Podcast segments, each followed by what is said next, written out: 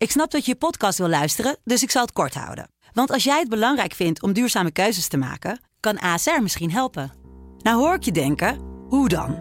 Nou, bijvoorbeeld bij het duurzaam herstellen van schade. Of de premies die we beleggen volgens ons duurzaam beleggingsbeleid. Dat bepaalt waar we wel en juist niet in investeren. Wil je meer weten over welke duurzame keuzes ASR maakt? Ga dan naar asr.nl slash duurzame keuzes. ASR doet het. Zo, dan kan je nu lekker naar je podcast luisteren.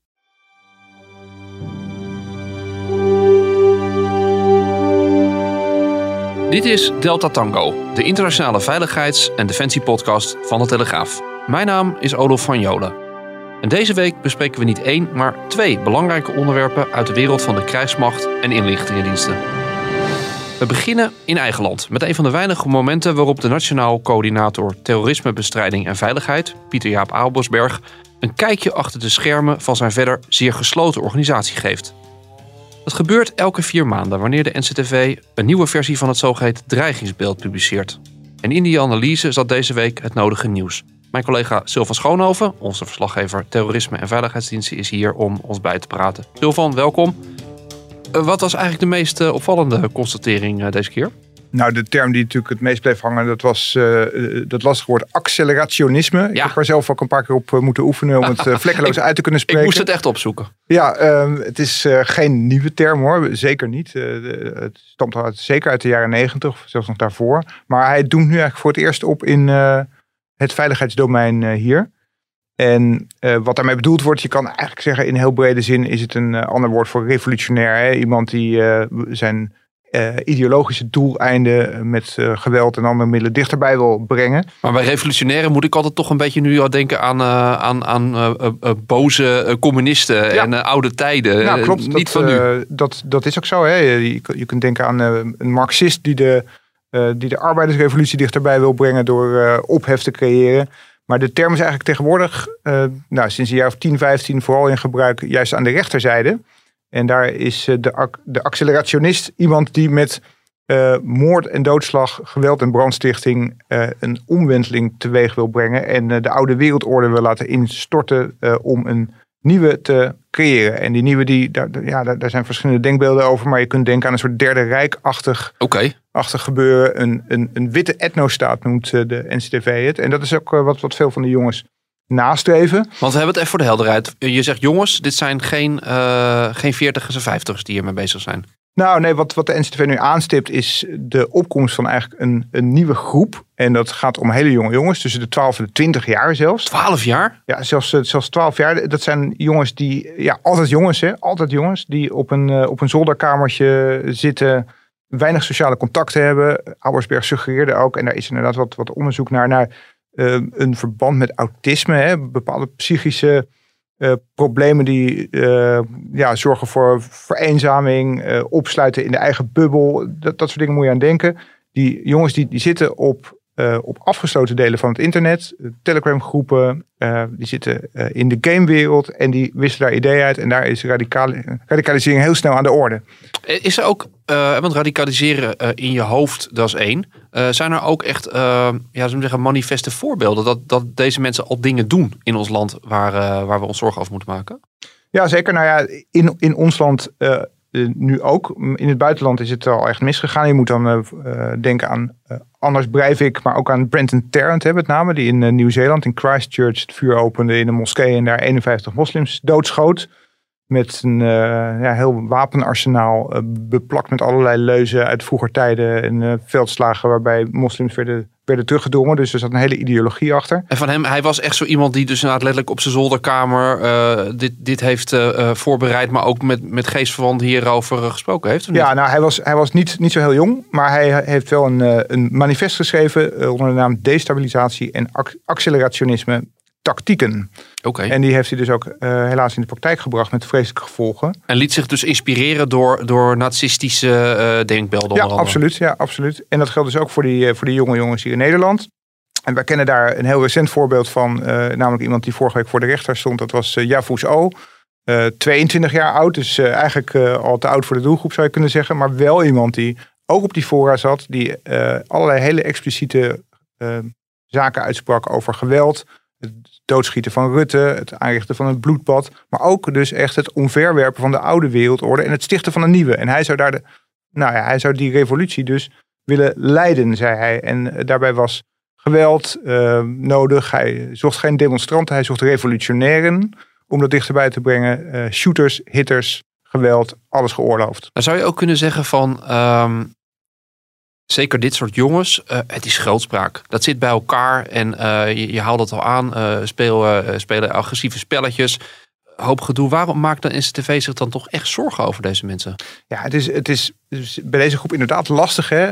Is, het nou, is het nou een soort geweldsfantasie die ontstaat op zo'n zolderkamertje zonder dat dat nou ooit werkelijkheid wordt? Ja, Voes O zei bijvoorbeeld voor de rechter van, ah nee, ik, ik, was, ik was eenzaam, hè? ik had weinig sociale contacten. Ik was op zoek naar vrienden en probeerde met wat stoere praat mezelf ja. Uh, ja, die vrienden aan te meten. Nou, dat, is niet ondenkbaar. Dat zou natuurlijk kunnen. Bij de politie overigens verklaarde hij dat hij wel degelijk eh, van plan was om iets te doen op het moment dat hij een wapen in handen had gehad. Hij was ook op zoek naar zo'n wapen. Dat blijkt uit allerlei zoektermen die hij, eh, die hij gebruikte. Dus ja, dat, dat lijkt toch wel wat, wat verder te gaan dan alleen fantasie. Maar ja, helemaal zeker weet je het nooit in hoeverre dit nou, uh, dit nou ja, een soort gameachtige uh, scenario's zijn waar mensen in zwelgen. Of dat ze dat ook echt in de echte wereld willen realiseren. Zijn dan uh, Breivik, hè, anders Breivik die in, uh, in Noorwegen een, een massaslachting op, op, een, op een klein eilandje aanrichten. En de zaken uit Christchurch, zijn dat dan de zaken die maken dat, dat in Nederland de diensten en ook de NCTV hier zo scherp op ook is? Ja, want je ziet eigenlijk de laatste jaren al dat hier veel aandacht voor is. Hè, er, er, er, wordt, er is gewoon iets in opkomst. Eh, we hebben ons natuurlijk jarenlang bezig gehouden met, met, met jihadisten, die de grootste bedreiging vormden. Maar dit is uh, ook aan het ontstaan. En dat heeft in Nederland nog niet geleid tot gewelddaden. Maar er is wel een tendens zichtbaar en dat is wel een zorgwekkende tendens. Ja, je, je gaf al aan van uh, die mensen die, uh, die ontmoeten elkaar op online, op, op Telegram, de berichtendienst. Um, maar voor de helderheid, dat, dat zijn geen media waar je even zo naar binnen wandelt en waar je zo gaat kijken. Nee, dat zijn vaak uh, afgesloten delen van het, van het internet. Bijvoorbeeld uh, Telegram groepen uh, waarbij je moet worden uitgenodigd. Dat maakt het dus onmogelijk om daar zomaar binnen te wandelen om even een kijkje te nemen. Je moet daar ja, binnenkomen op uitnodiging. Je moet jezelf een, ja, soort dekmantel aan, aanmeten, een soort alias om naar binnen te komen. vaak zit het in allerlei chatfuncties van games waar mensen elkaar spreken. Kortom, niet de uh, makkelijk toegankelijke Facebookpagina waar iedereen op kan kijken, maar echt een diepere laag.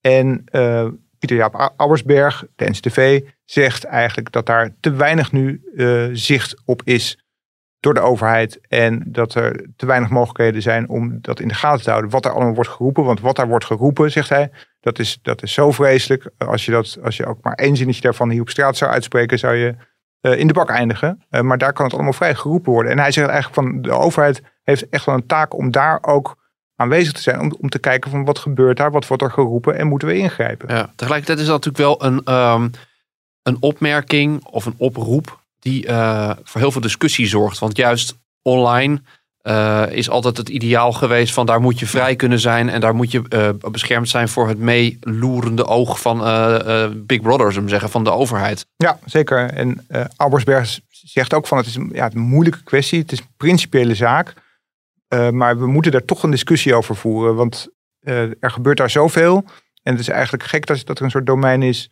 waar helemaal geen zicht op is, waar de overheid helemaal niets doet om mensen te beschermen. En die ja, die taak heeft de overheid natuurlijk. Dus je moet kijken want, van want waar... Het, want als het wel misgaat, dan is het natuurlijk ook het lijden in last. Hè? Wij spreken als ja. zo'n... Als wij een Nederlandse bedrijf zouden krijgen, dan zal er uh, ook uh, door de maatschappij worden geroepen van waarom wisten wij dit niet? Waarom zijn deze mensen niet eerder in beeld gekomen? Nee, precies. Want als, als daar dagelijks wordt gesproken over wapens, over revoluties, het binnenhof bestormen, Rutte doodschieten. Als dat daar aan de lopende band wordt, wordt geroepen. En ja, dan hoeft er maar één te zijn die de daad bij het woord voert. En je krijgt natuurlijk de discussie van, ja, maar dat was daar al lang gaande. Waarom hebben we daar niet voldoende zicht op gehad? Of nee. waarom hebben we daar niet ingegrepen ook om bepaalde sites te sluiten? Dat is ook gebeurd. Hè? Er zijn bepaalde groepen zijn uh, door het OM gesloten vanwege de haatzaaiende taal die daar werd. Uh, en, en, je mag natuurlijk ook best, je mag ook best als overheid en als maatschappij uh, het signaal afgeven van luister, dit is onacceptabel. Hè? Want als je, je gaf het zelf al aan, wanneer ik op straat uh, loop en, en uh, om me heen ga schreeuwen van uh, Rutte gaat eraan, Rutte gaat eraan, dan wordt er ook voor opgepakt. En dan doen ze, krijgt er ook een strafzaak voor aan mijn broek. Ja, ja maar ja, ja, het lastige, dit wordt eigenlijk in, in besloten kring geroepen dan. Hè? En dat maakt het dan strafrechtelijk alweer een slagje ingewikkelder. Want dit gebeurt achter gesloten deuren, zou je kunnen zeggen. Alleen zijn die deuren dan dus digitaal. Het, het doet mij ook denken, als, ik, als je het zo vertelt, aan wat er gebeurt in, in sommige van die Telegram groepen rondom corona-critici. Daar, daar worden ook rare dingen uh, gezegd. Heeft Albersberg het over die eh, specifieke doelgroep nog uh, gehad?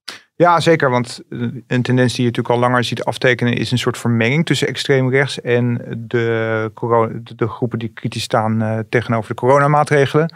Uh, het recent voorbeeld uit België is natuurlijk Jurgen Konings, hè, de, de militair. Ja. Ehm, had wat, wat, wat, wat rechtse sympathieën of extreemrechtse sympathieën.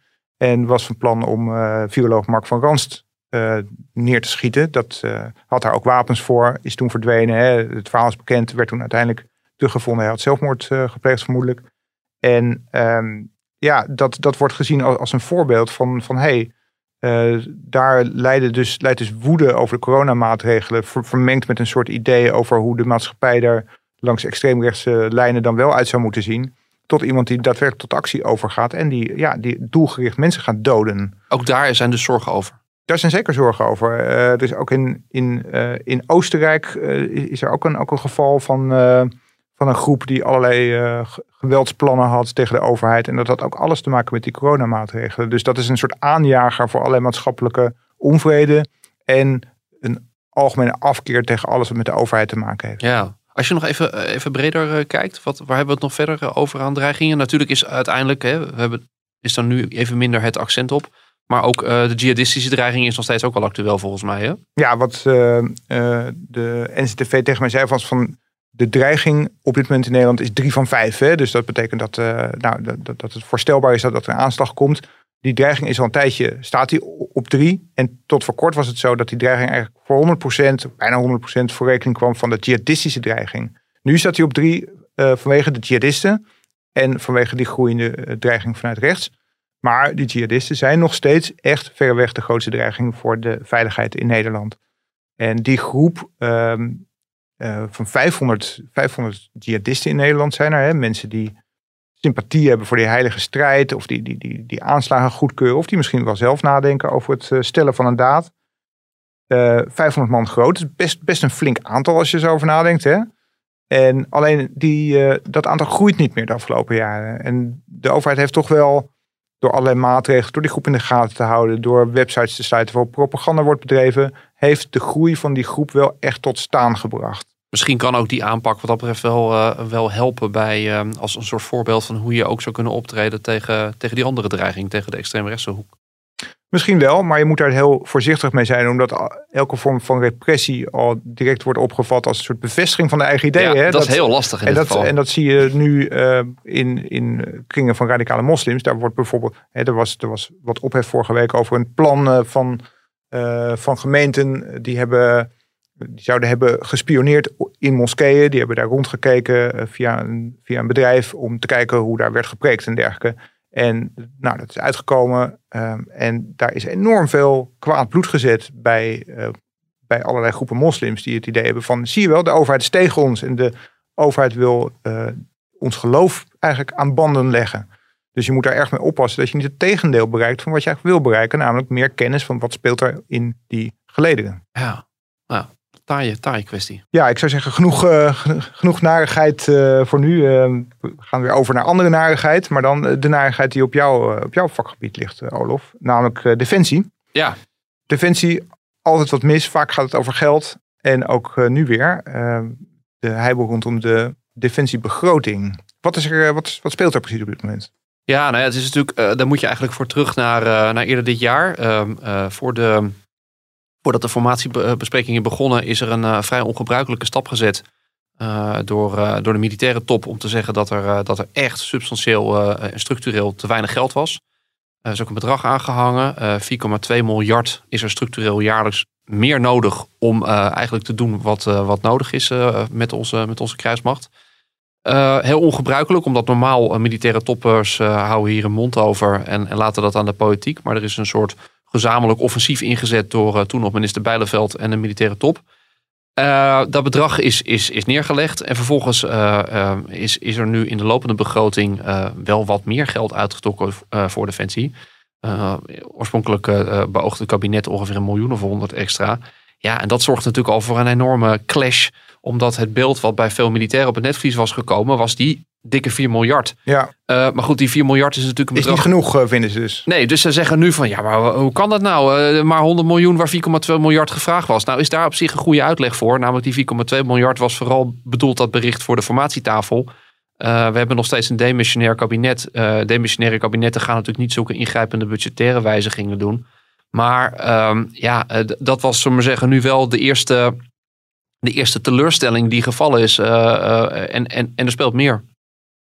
Ja, want er is ook sprake van een cultuurverandering bij Defensie die uh, nodig zou zijn. Ja, nou ja, wat je nu ziet is dat aan de ene kant uh, heb je dus uh, deze teleurstelling over het budget. verwachtingspatroon versus wat er waargemaakt is. Vervolgens is er um, ook nog heel recent, iets minder dan een week geleden, is er een, een, een loonbod, eindbod gekomen vanuit Defensie naar de militairen toe.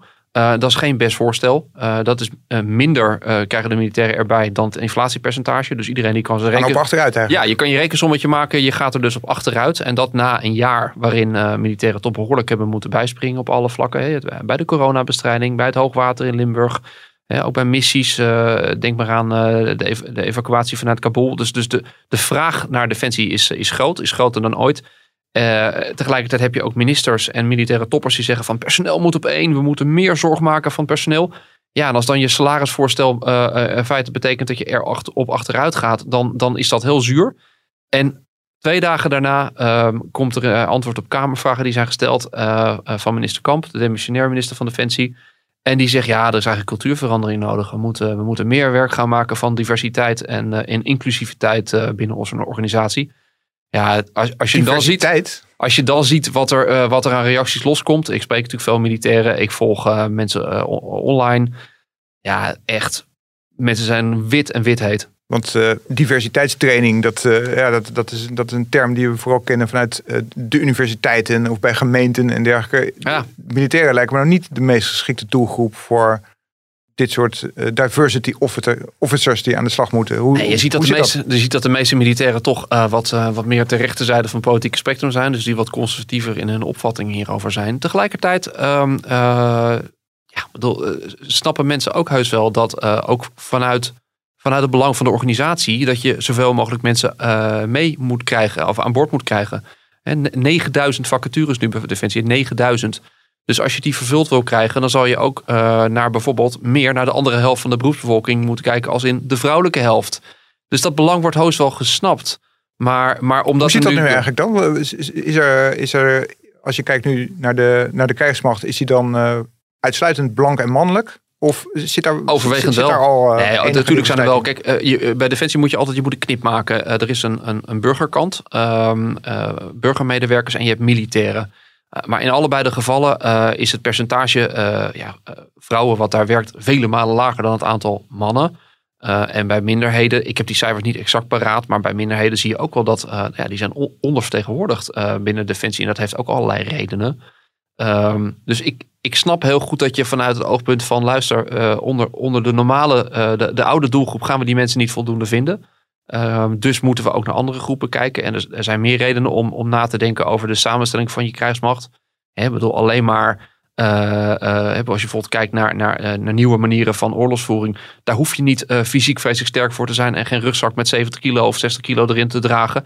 Maar dus in één keer kan je ook bijvoorbeeld voor allerlei functies zouden waar vrouwen nu met moeite eh, inkomen of niet, niet toekomen, die, die kunnen daar plotseling hartstikke goed voldoen en, en een supergoeie bijdrage leveren. Dus dat ze dat. Maar dan heb je het over het, over het technische domein eigenlijk. Hè? En laat dat nou ook echt wel een mannenbolwerk het, weet je, het is lastig. En, nog maar, steeds. Maar met name, kijk, ik denk in dit geval wat gewoon echt heel onhandig is geweest, is de timing. He, je hebt het over, een, uh, over een, een organisatie waarbij de mensen in ieder geval het gevoel hebben dat ze al jarenlang achtergesteld worden. Waarbij ze het gevoel hebben dat er al jarenlang eigenlijk uh, op hun beknibbeld wordt. En, en, en dat, dat ze niet uh, goed um, uh, worden gewaardeerd. Nou, dan, dan komt er een salarisbod waarin ze letterlijk niet goed worden gewaardeerd. En dan ga je twee dagen later ook nog eens over cultuurverandering beginnen. Ja, dat is, bedoel, ongelukkiger kan je het niet van elkaar krijgen, denk ik. Waar, waar lijkt dat dan op te duiden op het moment dat je ziet dat de, ja, de mannen met de uh, boot on the ground met heel andere dingen bezig zijn dan de mensen in de top. Is er een, is een kloof? Ja, die is er zeker. Ja, er is een grote kloof tussen, uh, laten we zeggen, de beleidsmedewerkers aan het Haagse plein. Uh, ik sprak laatst nog een, een, een officier die, die al een tijdje eruit is, maar niet zo heel lang nog weg.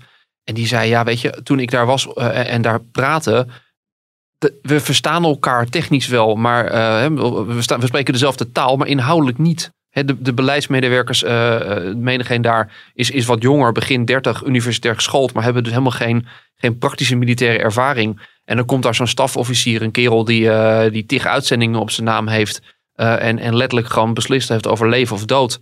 Ja, dat, dat knetter. Die mensen, die mensen snappen onvoldoende, die burgermedewerkers snappen onvoldoende wat de impact is van hun maatregelen op, op de praktische organisatie van de mensen die het moeten uitvoeren. Ja. Kun je, kun je spreken van van een een diepe crisis bij Defensie? Ja, het is altijd lastig. Maar eigenlijk denk ik wel, als ik het nu zie, als je het bij elkaar optelt allemaal, dat je toch echt mag zeggen dat er een serieuze crisis aan de gang is. Als je het bij elkaar optelt, hè, ik zei het al, 9000 vacatures. Eén op de vijf militaire functies is niet bezet. Ehm, ehm, de rekenkamer die al langere tijd concludeert dat Defensie niet in staat is om uh, zijn belangrijkste hoofdtaken te vervullen. we hebben gewoon nu niet de mensen of de middelen om het eigen grondgebied en dat van de bondgenoten te verdedigen. Ja, dat is toch een beetje alsof je uh, zegt van de brandweer zal uh, met regelmaat niet in staat zijn om op tijd ter plekke te zijn en je huis te blussen als het in de brand staat. als, als je dat zegt um, in een stad, dan is, dan is die stad te klein. zijn mensen woedend en zeggen ze er moeten meteen maatregelen worden genomen. Ja, en over de krijgsmacht denkt iedereen, ja, het zal allemaal wel, want het zal zijn vaart niet lopen. Want er is toch niet zo'n dreiging op het moment die het acuut nodig maakt om de kazernes weer vol te krijgen of zo? Nou ja, um, we hebben tegelijkertijd wel uh, echt wel internationale dreigingen die substantieel zijn. Er is een, een, serieuze dreiging vanuit Rusland. En er is een serieuze uh, bedreiging, uh, niet zozeer dat ze ons binnenvallen, maar de, de Chinezen bevechten natuurlijk meer hun plek op het wereldtoneel op alle manieren. Zowel politiek als met het, met het versterken van hun militaire krachten. Dus ook daar zou je toch over moeten nadenken als je onderdeel maakt van een bondgenootschap. Hè. Nederland is een, een land wat, wat handelsland dus voor ons zijn de, het vrijhouden van de handelswegen heel belangrijk. Uh, wat maakt dat bijvoorbeeld investeren in de marine een logische is. Um, uh, en dat je daar niet te veel mee moet treuzelen. Maar ook daar zie je weer dat ook die dossiers, dat dat ook allemaal ja, geen vaart houdt. We hebben net uh, gisteren is er een brief gekomen van Henk Kamp. dat dat het besluit of de onderzeebootvervanging, dat dat ook inderdaad al langer gaat duren. Ja, weet je, al dat soort, al dat soort signalen bij elkaar opgeteld maakt dat mensen binnen de krijgsmacht echt denken van ja, weet je, dit, dit, dit gaat niet meer goed. Ik sprak ook een, een, een officier die er al langer uit is. En die zei, ik, ik, die nog wel echt het heel erg volgt. En die zei, ik heb nog nooit zo'n opeenstapeling van ellende bij elkaar gezien. En, en ook zo'n diep gevoel van, dit, dit, dit zit echt helemaal niet goed. En dat maakt het natuurlijk ook niet een hele fijne werkgever waar je zegt van nou daar stap ik naartoe en daar ga ik mijn carrière voortzetten. En de, dus zo kom je de neerwaartse spiraal terecht misschien. Heel lastig. En als het dan ook nog eens een keer zo is dat jij dus uh, salaristechnisch uh, niet zo'n denderend voorstel uh, krijgt. en waar Defensie ook nog eens mee zit, is dat ze een heel rigide ouderwets salarisgebouw hebben. Waardoor, dus iets wat bij meer overheden speelt, maar dat je dus bijvoorbeeld een, een echt een toptalent moeilijk kan zeggen van luister, jou willen we niet kwijt. We trekken de knip en, we, en we maken je versneld bijvoorbeeld van, van major maken we je overste. Nee, dan zeggen ze ja, het systeem is dat jij nog uh, zeven jaar uh, moet wachten en dan mag je een keer worden. Ja, en dan zal je dat soort mensen, die zullen dan zeggen, nou, uh, dankjewel, maar zeven, over zeven jaar heb ik geen zin op te wachten. Ik ga naar bedrijfsleven. In het bedrijfsleven zijn ze volop kansen en Absoluut. Geld. Ja, ja, ja zeker. Dus dat, dat, weet je, het, het is zoveel wat bij elkaar komt wat nu wat, wat ongunstig is. Zie jij nog, nog, nog, nog lichtpuntjes of komt het nog goed? Nou ja, kijk, het, de belangrijkste eerste stap is dat er uh, duidelijkheid moet komen over het budget. Uh, ik hoor vanuit het Haagse geen uh, hele gunstige signalen over, over de formatie wat dat betreft. En die 4,2, 4,5 miljard die gevraagd is door, door, door, de commandant de strijdkrachten Eigelsheim. Waarvan mensen die zeggen, nou dat gaat hem echt niet worden. Dus dat wordt al een lastige. ook voor hemzelf, lijkt mij. Want hoe, weet je, als je zo hoog inzet en je krijgt het niet, hoe ga je dat dan uitleggen? Um, uh, dus dat budget is nu alles bepalend. Als er wel, uh, wij spreken, uh, ruimhartig de, knipsen worden getrokken, dan kan je in ieder geval een aantal dingen repareren. Dan zou je ook bijvoorbeeld arbeidsvoorwaarden zou je op korte termijn wat kunnen doen. Ja, en de langere termijn is het vooral aan een volgend kabinet om in ieder geval belangrijke stappen nu echt te gaan zetten. En niet dossiers weer uit te stellen en nog een onderzoekscommissie erop te zetten en nog een keertje. Want op een gegeven moment, ja, houdt het op? Zijn, zijn, is het materiaal versleten en niet meer bruikbaar en zijn de mensen er niet meer? Ja, dan, de mensen eh, er niet meer. Ja, dan wordt het, dan, eh, heb je alleen maar een, een heel leeg leger om de, om de woordgrap maar te maken. Dan eh, wordt het lastig om het land nog te verdedigen. Jij houdt het in elk geval stevig in de gaten. Je zit er bovenop. Dit was het voor nu. Voor deze aflevering van Delta Tango, de veiligheidspodcast van de Telegraaf. We hopen dat u met veel plezier heeft geluisterd. En als dat zo is, laat het weten door middel van een recensie op een van de bekende podcastplatforms. Dat vinden we leuk. En als u geen aflevering wil missen, abonneer dan. Wij zijn er over twee weken weer met een onderwerp uit de wereld van de internationale veiligheid en defensie.